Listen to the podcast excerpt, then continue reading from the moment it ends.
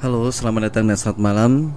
Ketemu lagi dengan Denny, narator Rumah Horor Indonesia. Sobat RAI, semoga kalian ada dalam keadaan sehat dan berbahagia. Sebelumnya mohon maaf kalau kualitas dari episode kali ini mungkin dianggap nggak sebaik biasanya ya Karena nih agak gatel nih, agak batuk. Tapi kalian semoga semuanya dalam kondisi yang baik ya. Nah pada malam hari ini saya dapat lagi email dari Vio Yang ceritanya kemarin juga bagus banget ya Yang di rumah neneknya ini mengenai ketika dia live in di Magelang. Buat yang nggak tahu live in atau kurang akrab dengan istilah live in, live in tuh biasanya sekolahan, SMA, ada juga yang SMP ke tempat yang kayak pedesaan gitu dan mereka hidup di sana ikut serta dalam kegiatan sehari-hari dari orang tua asuhnya. Baik itu bertani, beternak dan lain-lain.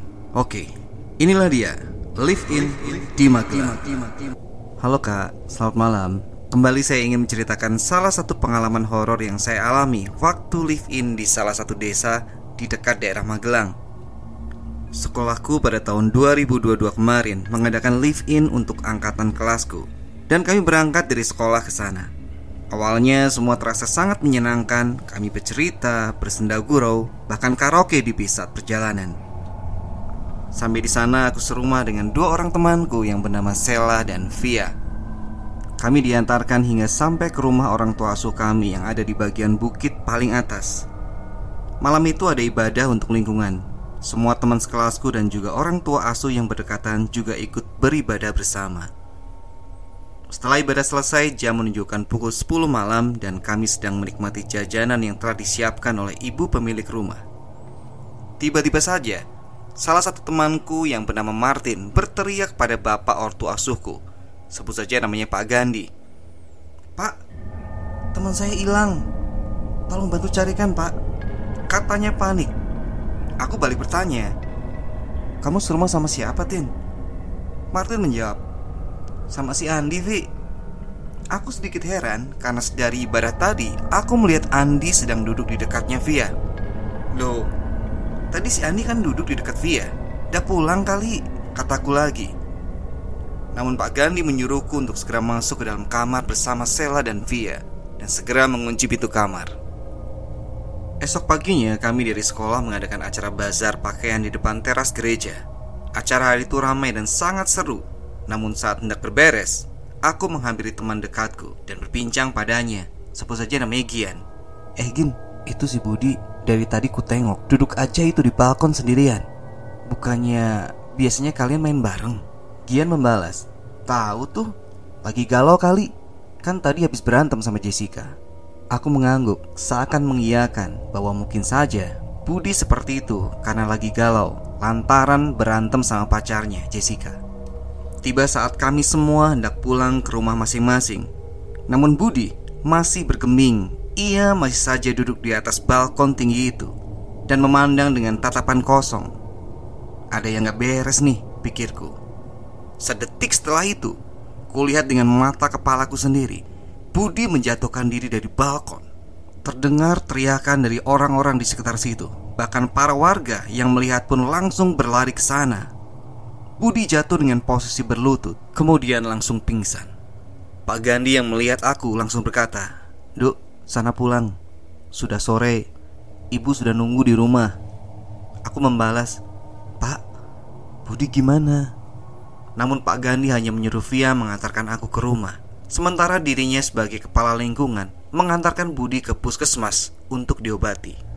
Kejadian itu membuat kepala sekolah marah-marah. Ia menegur dan menghukum bagi siswa mana pun yang berani keluar rumah. Bahkan Via yang membeli sate pun tak luput dari kejaran beliau. Kenapa sih? Tanya Via. Namun aku hanya bisa pasrah dengan hal itu Sore hari kami sudah diperbolehkan keluar rumah dan juga diminta pergi ke gereja untuk renungan malam pada pukul 7 malam. Pada pukul 6 kami bertiga berangkat menuju gereja dan saat itu Via berkata, "Kita lewat jalan pintas aja yuk. Aku tahu kok. Aku dan Sela yang memang waktu itu agak sedikit capek lantaran menempuh jalan menurun, akhirnya menuruti Via. Saat kami memasuki gang sempit dan di salah satu rumah ada tiga anjing yang menjaga rumah Ketiga anjing itu menggonggong ke arah kami. Pikirku, kayaknya bukan ke kami deh, tapi ke aku.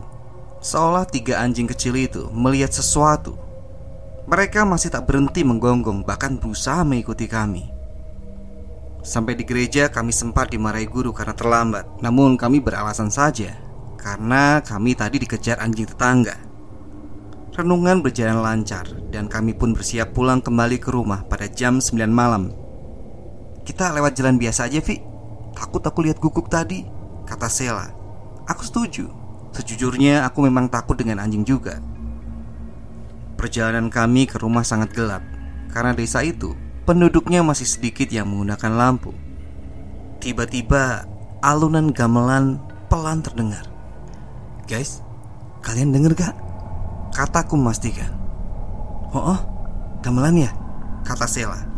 Aku bernafas lega. Ternyata bukan hanya aku yang mendengar itu.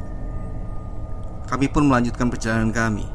Sampai di rumah, entah kenapa Tiba-tiba badanku menjadi panas dan berkeringat Padahal desa itu dingin sekali udaranya Aku pun memutuskan untuk membasuh badan Hmm guys Aku mau basuh badan sama cuci baju bentar ya Kataku Oh oke okay. Aku tidur dulu ya Kata Via Sementara Sela masih di luar Membereskan barangnya sebelum besok kita pulang Aku bergegas menuju kamar mandi dan membasuh badanku karena sudah sangat lengket dan gerah. Tiba-tiba, suara gamelan pelan kembali terdengar. Semakin dekat, dekat, hingga sudah ada seperti di depan pintu kamar mandi. Tubuhku kaku gemetaran, dan tiba-tiba suara sinden menyanyi pelan. Aku tidak begitu ingat apa yang dia nyanyikan. Yang ku ingat adalah ada kata yang memanggilku, Cah Ayu, sebanyak lima kali di dalam tembang itu. Tiba-tiba terdengar suara ketukan pintu. Vi, Vi, ini aku Sela. Aku mau pipis. Suara gamelan tiba-tiba hilang. Aku bergegas memakai baju dan keluar. Setelah itu menemani Sela pipis.